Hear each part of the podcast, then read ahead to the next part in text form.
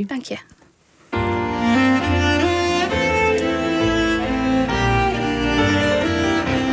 Het spoor terug.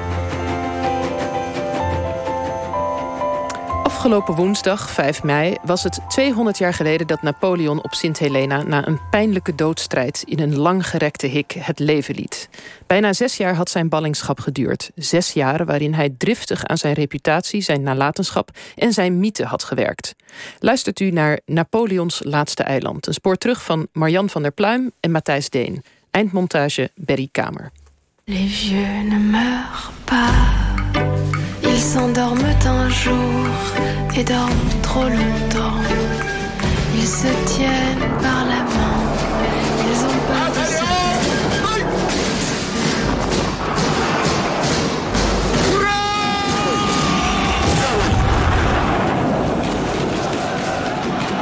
...18 juni 1815, Waterloo.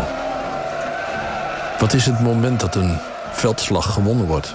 Het is een bende, het is onoverzichtelijk, het is luidruchtig, het is omvangrijk. En toch, ook in Waterloo is er een moment dat het laatste schot gelost wordt. En dat de stilte intreedt. En dat de wereld veranderd is. Les vieux ne rêvent plus. Leurs livres sans sommeil, leurs pianos sont fermés. Le petit chat est mort, le muscat du dimanche. En dat de deelnemers die het er levend vanaf gebracht hebben aan de nieuwe realiteit zullen moeten wennen. Quelle affaire, zei de Pruisische generaal Blücher toen hij Wellington na afloop begroette. Mijn lieve kameraad.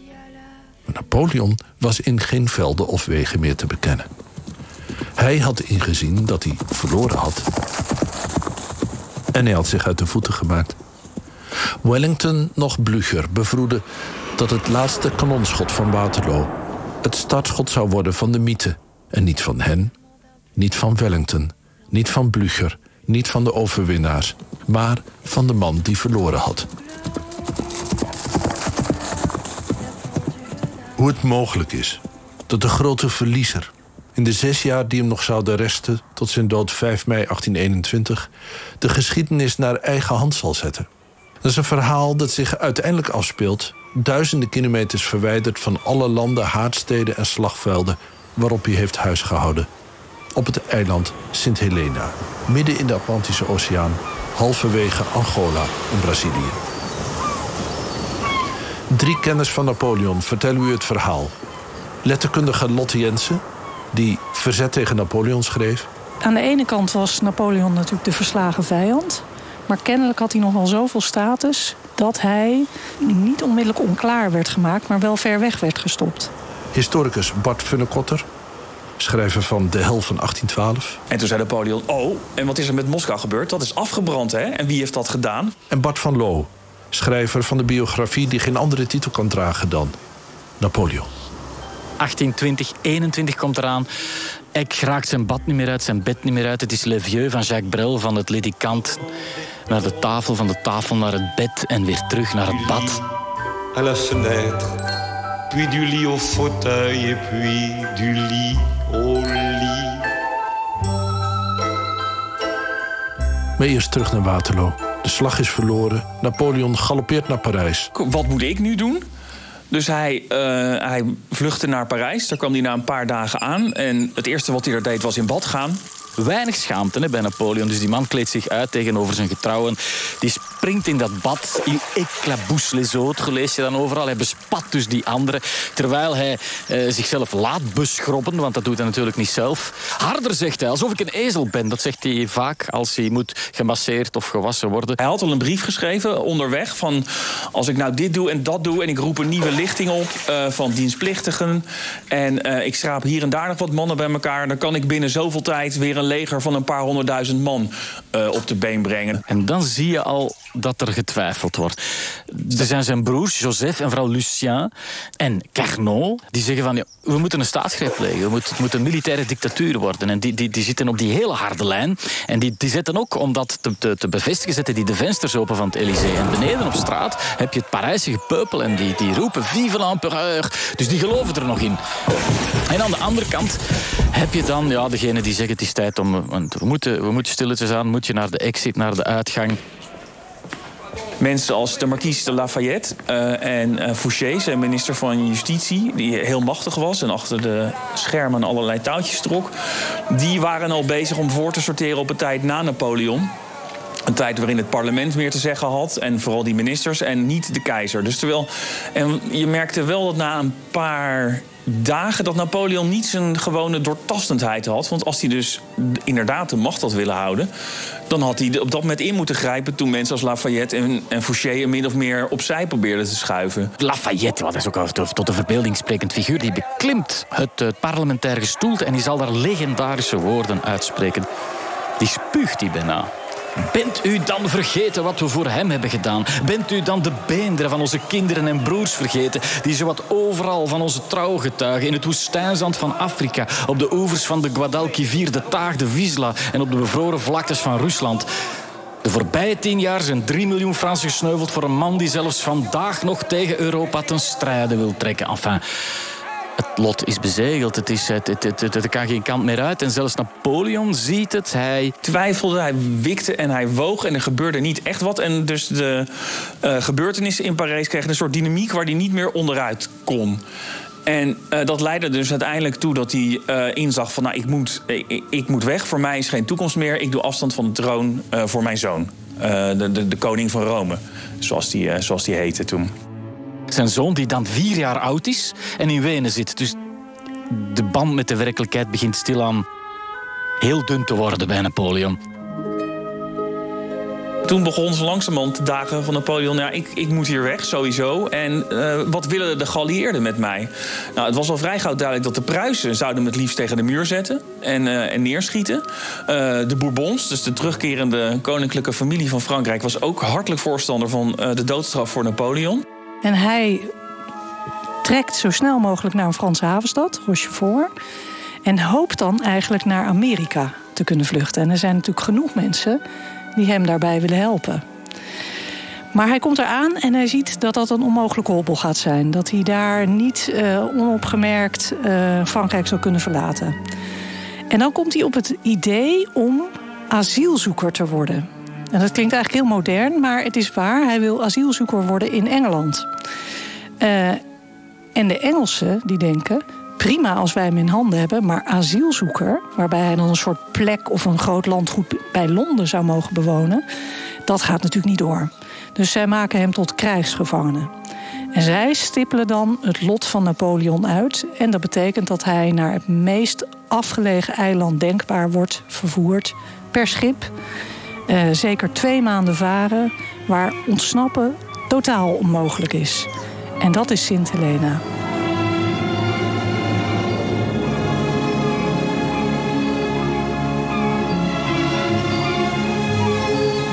Het is 7 augustus 1815, dat is bijna twee maanden na Waterloo... als Napoleon aan boord wordt gebracht van de Northumberland. Een oorlogsschip met 74 kanonnen... waarmee ze in de 17 jaar dat ze had rondgevaren... menig Frans schip had bestookt. En nu kreeg kapitein Hotham de keizer zelf aan boord.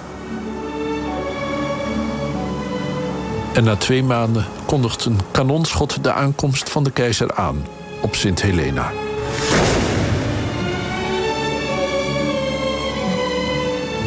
Ja, dat, dat viel wel heel erg tegen. De Northumberland kwam daar aan op 17 oktober.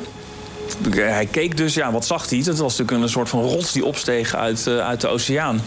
De vergelijking met Prometheus dwingt zich dan natuurlijk onmiddellijk op. Dus als Prometheus aan een rots gekluisterd wordt als straf... zo werd Napoleon ook gekluisterd aan deze rots als straf... voor wat hij de mensheid had aangedaan. Het is geen heel bemoedigend zicht in die zin. Je ziet een, je ziet een klein stadje en daarachter zie je gewoon twee rotsen tegen elkaar... waar zo'n klein landtong tussen is... waar zo naar achteren tot in een punt Jamestown uitloopt. En Napoleon keek ernaar en liet al meteen weten van... ik wil niet aan land gaan uh, op Sint Helena terwijl het nog licht is. Want dan komt iedereen maar kijken. Zij mocht uiteindelijk aan land komen toen het in de schemering... maar dat, leidde, dat had natuurlijk helemaal niet geleid tot een mindere oploop. Want alle 3.500 mensen die op dat eiland uh, wonen... die stonden gewoon op de kade van Jamestown met, met fakkels... en die stonden te kijken hoe, uh, hoe Napoleon daar aankwam. En hij verbleef toen in Jamestown... die die eerste dag, ja, dat was het enige stadje. Dat, was, ja, dat, dat, dat maakt natuurlijk geen indruk op je als je eh, ook in Parijs hebt gewoond, zal ik maar zeggen. Napoleon denkt, ik moet hier één of twee jaar blijven en dan laat ze mij los. Dan laat ze mij gaan. Dat is, eh, dat, ik zou dat ook in zijn plaats gedacht hebben. Ik bedoel, ja, je, je moet er toch nog hopen dat, er, dat hij ooit terug zijn broer of zijn, zijn zoon... want hij heeft zijn zoon al jaren niet meer gezien... dat hij, dat, dat, dat hij nog vrijkomt. Ja, het meest, meest wonderbaarlijke van deze geschiedenis... is uiteindelijk wel dat Napoleon een krijgsgevangene is... maar een hele hofhouding meekrijgt. En misschien nog wel het meest wonderbaarlijke zijn de getalsmatige verhoudingen. Dus Napoleon een kleine hofhouding, kan nog redelijk zijn eigen leven leiden. Maar er komen ook 2000 soldaten en iets van 500 officieren die hem dan moeten gaan bewaken. En dag en nacht 52 schildwachten bij uh, de plek waar hij komt te wonen, Longwood.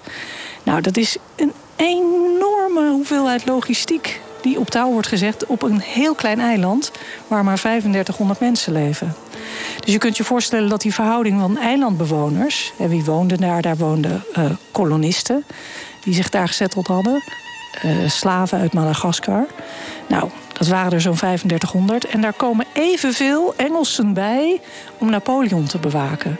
Nou, dat is natuurlijk een geweldig aantal en dat schudt het hele eiland op. Dus daar komt een heel strak regime, louter en alleen om die krijgsgevangenen te bewaren.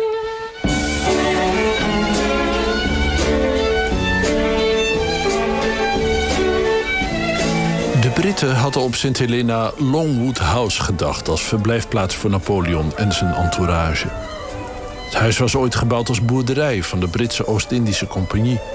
Maar toen Napoleon arriveerde, waren de verbouwactiviteiten nog in volle gang. Op weg naar Longwood liet Napoleon zijn oog vallen op Briars Pavilion. Een alleraardigst verblijf met een fijn tuinhuis in het bezit van William Balcom, een Engelse koopman die daar woonde met zijn vrouw en vier kinderen. Napoleon meldde zich op de veranda, belde aan en vroeg of hij een tijdje bij hen mocht intrekken. En wat doe je als Napoleon je zoiets vraagt? Je zegt, maar natuurlijk. Napoleon sprak geen woord Engels, maar Briar had een dochter van 13 jaar oud, Betsy, die een aardig woordje Frans sprak. Deze Betsy is een, is een opstandige, eigen gerijde uh, jonge vrouw die uh, het wel aandurft om met Napoleon in gesprek te raken en hem ook echt uitdaagt. En er schijnt zich toch wel een interessante uh, relatie tussen hun te hebben ontwikkeld. Volgens de Britse pers was er sprake van een love story. Ja, je zou bijna zeggen, Napoleon heeft eigenlijk geen vrienden gehad tijdens zijn leven. Maar met die Betsy Balcom had hij een soort van, sloot hij een soort van vriendschap. Hij, was een, hij nam de rol van de lollige oom op zich. Nou, dat is ook iets wat je je helemaal niet kan voorstellen bij Napoleon. Ja, ik bedoel, ja, je zou kunnen stellen, is dit verrassend dat die Napoleon hier zo speels uit de hoek komt. Hè? Ze gaan inderdaad blinde mannetje verstoppertje, paardrijden samen, quizmaster speelt hij als het ware met die... Maar dat is iets wat Napoleon altijd eigenlijk wel heeft gehad. Eh, met zijn zoon speelt hij op zijn... Op zijn, op zijn er, er, zit een soort van, ja, nog een, nog een, een kinderlijke speelset in Napoleon. We kennen smakelijke anekdotes, waarbij hij haar bijvoorbeeld uh, vragen stelt, uh, zoals... wat was de hoofdstad van Rusland? En toen zei Betsy Belkum, Sint-Petersburg, maar vroeger was het Moskou. En toen zei Napoleon, oh, en wat is er met Moskou gebeurd? Dat is afgebrand, hè? En wie heeft dat gedaan? En toen zei Napoleon, dat heb ik gedaan, hè? En toen zei Betsy Belkom heel bij de hand. Nou, volgens mij waren het de Russen zelf die de stad in de brand hebben gestoken... om zo de Fransen uh, eruit te jagen. En dat is natuurlijk inmiddels uh, is dat de geaccepteerde versie... van wat daar gebeurd is in Moskou in 1812. Nou, Napoleon kon er wel om lachen dat zij zo uh, het lef had... om op die manier tegen te spreken. En dat was het begin van een soort van ja, vriendschap tussen die twee... waarin ze Napoleon zich af en toe als een, als een kind gedroeg. Ze deden blinde mannetje en dan verstopte die zich achter het zusje van Betsy. Dus dan kneep hij haar in haar neus. En zij wierp zich dan naar voren om Napoleon te pakken. En dan was hij dus af.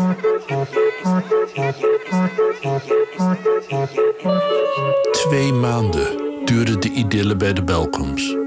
Maar toen was Longwood House voldoende opgeknapt om Napoleon en zijn hofhouding te ontvangen. En was het sprookje voorbij.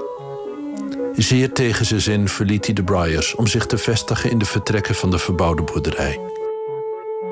Het gezelschap dat hem volgde had er dus al bijna tien weken op zitten van inschikken en improviseren en vooral ook van een periode dat een kind van amper 14 jaar hun keizer, hun veldheer, hun absolute autoriteit ertoe had verleid om als een giechelend kind geblinddoekt rond te huppelen en zich de les te laten lezen.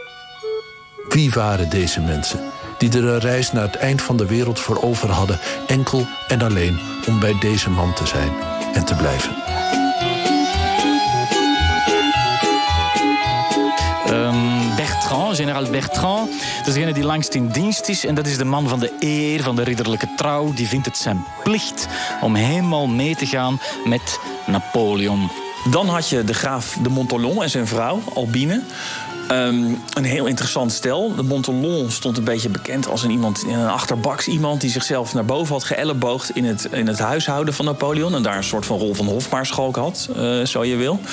Albine de Montolon stond bekend als een uh, prachtige vrouw.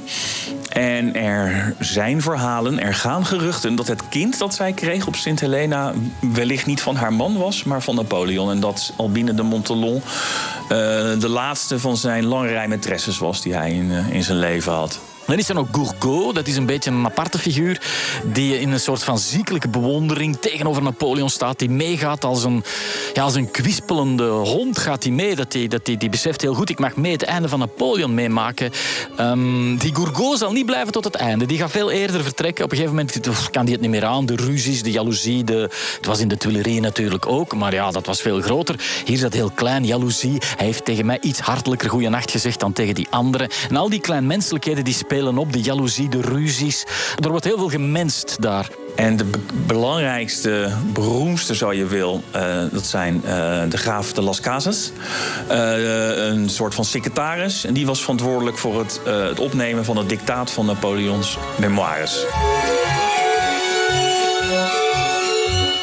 De eerste Northumberland en dan Sint Helena Longwood verandert in een soort van redactielokaal, verandert in een soort van prozafabriek. Waarin hij letterlijk, hoeveel heb ik er hier opgestomd? 1, 2, 3, 4, inderdaad. Waar zijn vier evangelisten, zo kun je ze wel noemen, waar die om à tour de rol, om beurten met hem alles bespreken. En dan begint het. Hè. Waar het eigenlijk om draait is zo lang mogelijk Waterloo uitstellen in die verhalen. Heel het Napoleontisch epos wordt verteld. En nog maar eens. En al die, zoals kralen in een bitsnoer, komen al die veldslagen voorbij. Toulon, Montenotte, Lodi, Arcole, Rivoli, Pyramide, Aboukir, Maringot, Ulm, Oosterlitz,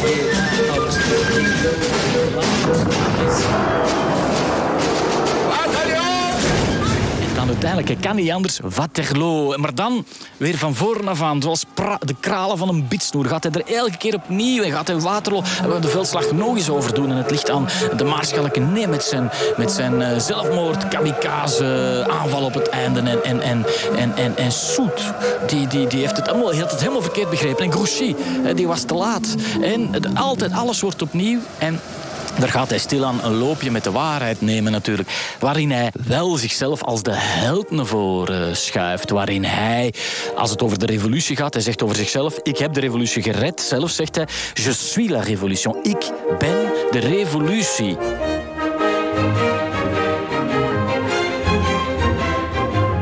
Lord Liverpool, de Engelse premier, die had zoiets van... als we Napoleon er wegstoppen op een eiland in de Atlantische Oceaan... dan vergeet iedereen hem. Ten eerste gebeurde dat niet. En ten tweede gaf het Napoleon de kans om als eerste de geschiedenis op te tekenen. Het gezegde wil van de geschiedenis wordt geschreven door de overwinnaars... maar de geschiedenis werd hier geschreven door de verliezer.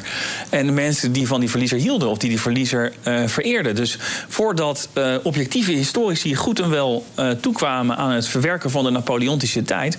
lagen daar al prachtige bronnen. En dat waren de bronnen die door Napoleon zelf gedicteerd waren.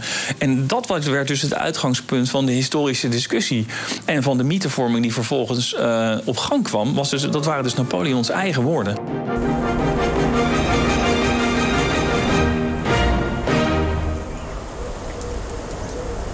De hofhouding van Napoleon bedroeg in het begin zo'n 60 man. Variërend van generaals met hun familie tot koks en stalknechten. Maar de omvang van het gevolg zou op den duur worden ingeperkt op aanwijzing van de nieuw gearriveerde gouverneur van Sint Helena, generaal-majoor Hudson Lowe. Een formele man van Iers-Engelse komaf, die Napoleon zou onderwerpen aan een strikt regime. Iedere avond bij zonsondergang liet hij Longwood House omsingelen door soldaten die moesten voorkomen dat Napoleon zou ontsnappen. Bij het ochtendgloren liet hij een kanon afvuren Als teken dat er weer een nieuwe dag begonnen was. Een dag die niet alleen verdacht veel leek op de voorafgaande, maar ook een getrouwe voorafspiegeling zou zijn van de daaropvolgende.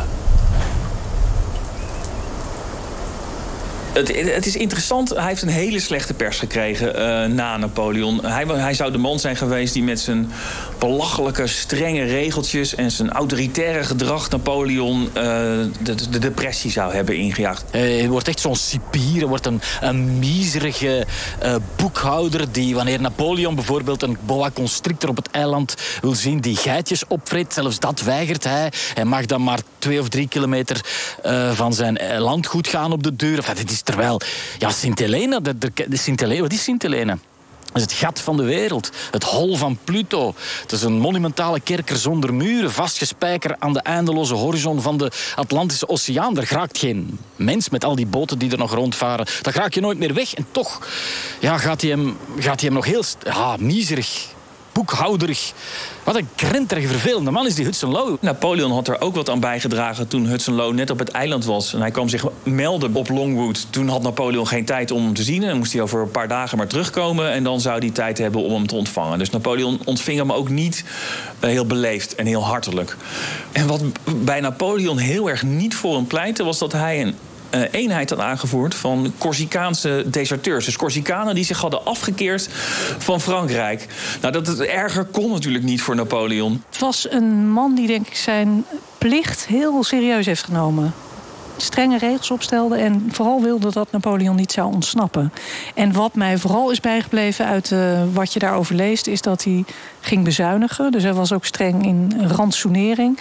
En dat hij extreem heeft bezuinigd op de hoeveelheden, de hoeveelheden tafelzout die Napoleon mocht nuttigen. Het is maar een detail, maar het is zo typisch zo'n detail dat je bijblijft. Eh, het is inderdaad zo dat, los van die miserige boekhoudersziel... die we Hudson Lowe kunnen toeschrijven... dat, dat hij effectief de opdracht heeft gekregen van de Engelse regering van bewaak die man en laat hem niet ontsnappen. Dus die is voor de dood. Ik wil niet de geschiedenis ingaan als de man die Napoleon vanuit Sint-Helena heeft laten ontsnappen. Dat zal ook wel meegespeeld hebben. Waaruit dus ook toch weer een stiekem bewondering moet hebben gesproken van ja, die zou nog wel eens in staat zijn. Maar je moet ook gezien hebben dat die man met de jaren zwaarder werd, zieker werd. Als hij naar zijn voeten had gekeken, dan had hij opgezwollen enkels gezien. Het vet van die enkels dat zo over de rand van zijn schoenen gedrapeerd hangt. Ja, die man die zou niet heel ver meer geraakt zijn. Hè? Les vieux ne parlent plus, ou alors seulement, parfois du bout des yeux. En dan is er een kantelmoment. En dat kantelmoment is in 1818, dat zeg ik nu uit het hoofd. Dan wordt er in Aken, als ik me niet vergis, beslist. Hij verwacht nog altijd dat ze hem zullen vrijlaten. En dan in Aken wordt er definitief beslist: no way.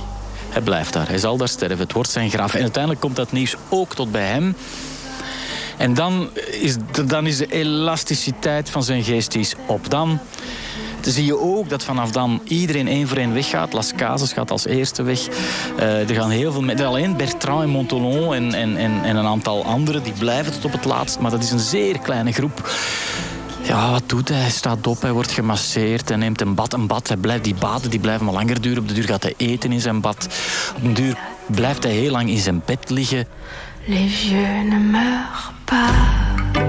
Ils s'endorment un jour et dorment trop longtemps. Ils se tiennent par la main. Ils ont peur de se perdre. Nee, het wonderlijke is eigenlijk dat die hele episode Sint Helena... allemaal kanten van Napoleon naar voren brengt die we niet van hem kennen. Een slappe, vatsige man die eigenlijk uh, ja, uit elkaar valt, letterlijk van verveling. En maar één doel heeft en dat is een beetje stomen in bad. En dan hebben we de Napoleon die rondwandelt in zijn tuin. Ja, dat was echt de laatste opleving. En hier zien we ook weer een Napoleon zoals je hem niet voor kan stellen als je de schilderijen van hem ziet. Je moet je dat als Napoleon voorstellen die inmiddels echt een behoorlijke buik had. En die in een soort van, uh, af en toe in een soort van witte kamerjas of een heel eenvoudig, een makkelijk zit, zittend pak.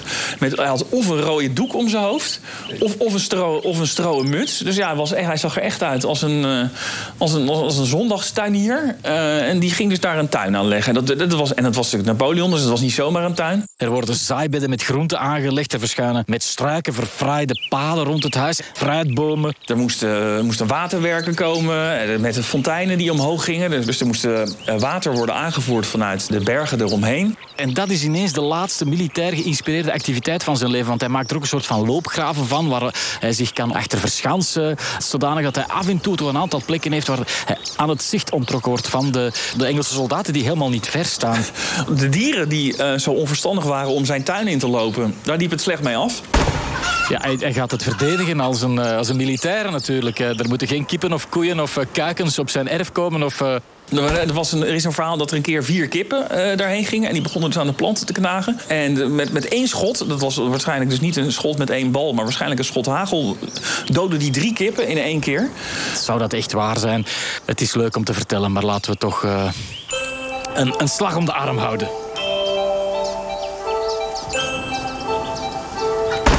Les vieux ne parlent plus zijn gezondheid ging ook wezenlijk achteruit natuurlijk. er is een bekende uh, anekdote dat hij op zeker moment na een van zijn stomende baden eruit stapt, wankelt en flauw valt. En dan zitten we ergens in oktober 1820, dus een half jaar voor zijn dood. En de beschrijvingen van uh, ja, hoe mensen schrikken van hoe dik die is geworden. Uh, een bleke, oude, vatsige man. Waarschijnlijk is hij geestelijk ook steeds minder en fysiek minder in staat geweest om die grootste projecten nog aan te vatten. Traverser le présent en s'excusant déjà de n'être pas plus loin. Natuurlijk was er een arts in Napoleons gevolg. O'Meara, de Ierse scheepsarts, die in 1815 met hem op het eiland arriveerde, was vanwege vermeende spionage in 1818 van het eiland verwijderd. En in zijn plaats arriveerde de Corsicaan François Antomarchi, uitgekozen door Napoleons moeder, Letitia. Omdat haar was voorspeld dat haar zoon alsnog zou ontsnappen, was ze niet bijster kritisch geweest bij de keuze. De arts was overigens een kundig en enthousiast ontleder van lijken, een vaardigheid die nog van pas zou komen. En in april en dan uiteindelijk uitmondend op 5 mei, zijn sterf, sterfdag, zie je dat het slechter en slechter met hem gaat. Hij is lijkbleek, heeft geen energie, opgezwollen, klaagt over pijn in zijn buik. Zijn maagzweer, zijn kanker, waar zijn vader ook is aan gestorven. Het is een mes die in zijn, in zijn maag wordt eh, bewogen. Zo beschrijft hij die pijn die hij heeft.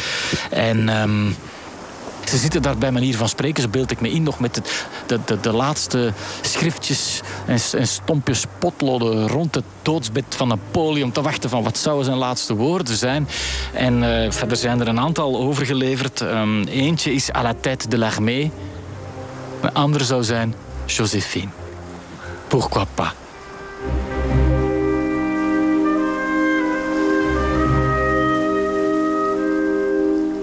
Ten slotte, en hier laat ik Chateaubriand het woord, omdat zonder Chateaubriand dit verhaal nu eenmaal niet verteld kan worden.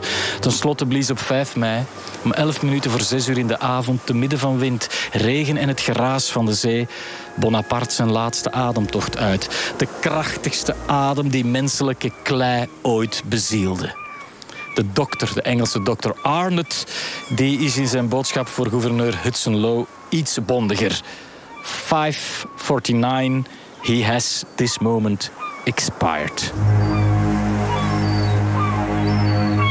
En dan begint een volgende strijd. Wat gaan we doen met dat lijk van Napoleon?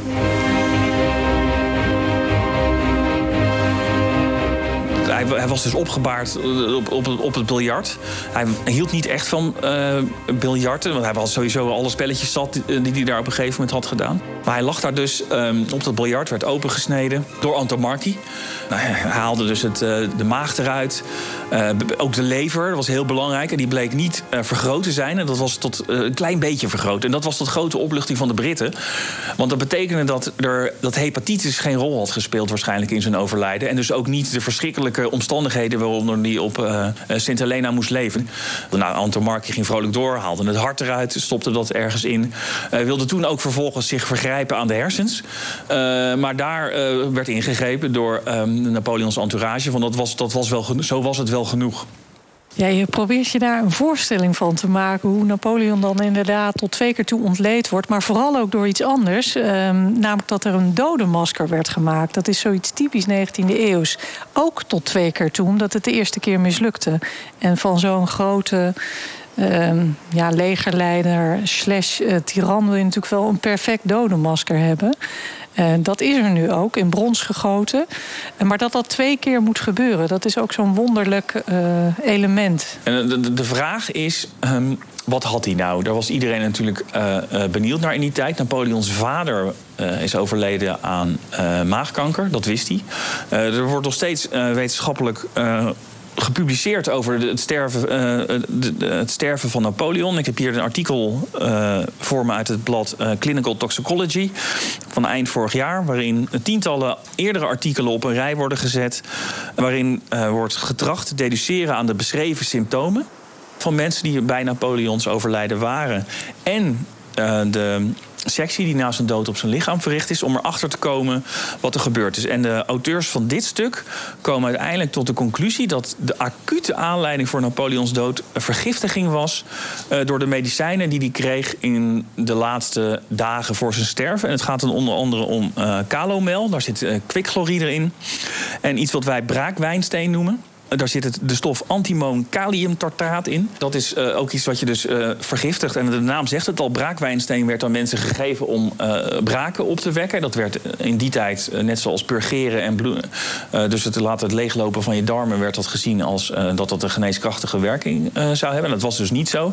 En de stoffen daarin, gecombineerd wellicht met het arsenicum, de arsenicumvergiftiging die hij al had opgelopen door al het arsenicum houdend uh, spul waarmee hij zijn hele leven uh, omringd was, hebben ertoe geleid dat dat, volgens de auteurs van dit artikel dan, uh, dat hij daaraan overleden is, aan aan die acute vergiftiging. Maar toen uit de sectie bleek wel dat hij een vergevorderde vorm van maagkanker had, die zijn hele maag had aangetast. En uh, dus hij was uh, uiteindelijk ook wel overleden aan maagkanker. Er was ook een, een maagzweer uh, dat bloedde. Dus hij was stervende. En het, wellicht dus dat de artsen in hun pogingen om hem beter te maken of zijn lijden te verlichten hem de nekslag hebben gegeven. Les vieux ne rêvent plus. Leurs livres sans sommeil. Leurs pianos sont fermés. Le petit chat est mort. La muscat du dimanche. Hij wordt in de vallei van de Geranium, La Vallée du Geranium, wordt hij begraven. En dat heeft hij zelf ook bepaald. En dat is toegestemd. En dat is een prachtige vallei. Daar, daar ben ik naartoe geweest. En het is een plek van een verkwikkende schoonheid. Bougainvilliers die tot hoog in de bomen klimmen. Je kunt er niet vlakbij, maar je ziet het wel. Het is echt een ongelooflijk mooie plek. Et s'ils sortent encore, bras dessus, bras dessous. En dan is er nog de, de discussie over het graf, wat erop moet. Ja, hij wil natuurlijk empereur Napoleon. Of gewoon Napoleon alleen, dat zegt ook al genoeg, maar dat mag niet. Daar moet die Bonaparte bij. Dat wil hij niet. Het is uiteindelijk na heel veel vijven en zessen. Niks. Niks. Er staat niks op het graf. Les vieux ne parlent plus. Dat was Napoleons Laatste Eiland. Een spoor terug van Marian van der Pluim en Matthijs Deen. Gemonteerd met Berry Kamer. En voor wie meer van onze docus wilt terugluisteren... er is ook een aparte podcast, het Spoor Terug genaamd. Daarin kunt u al onze documentaires terugvinden en terugluisteren. In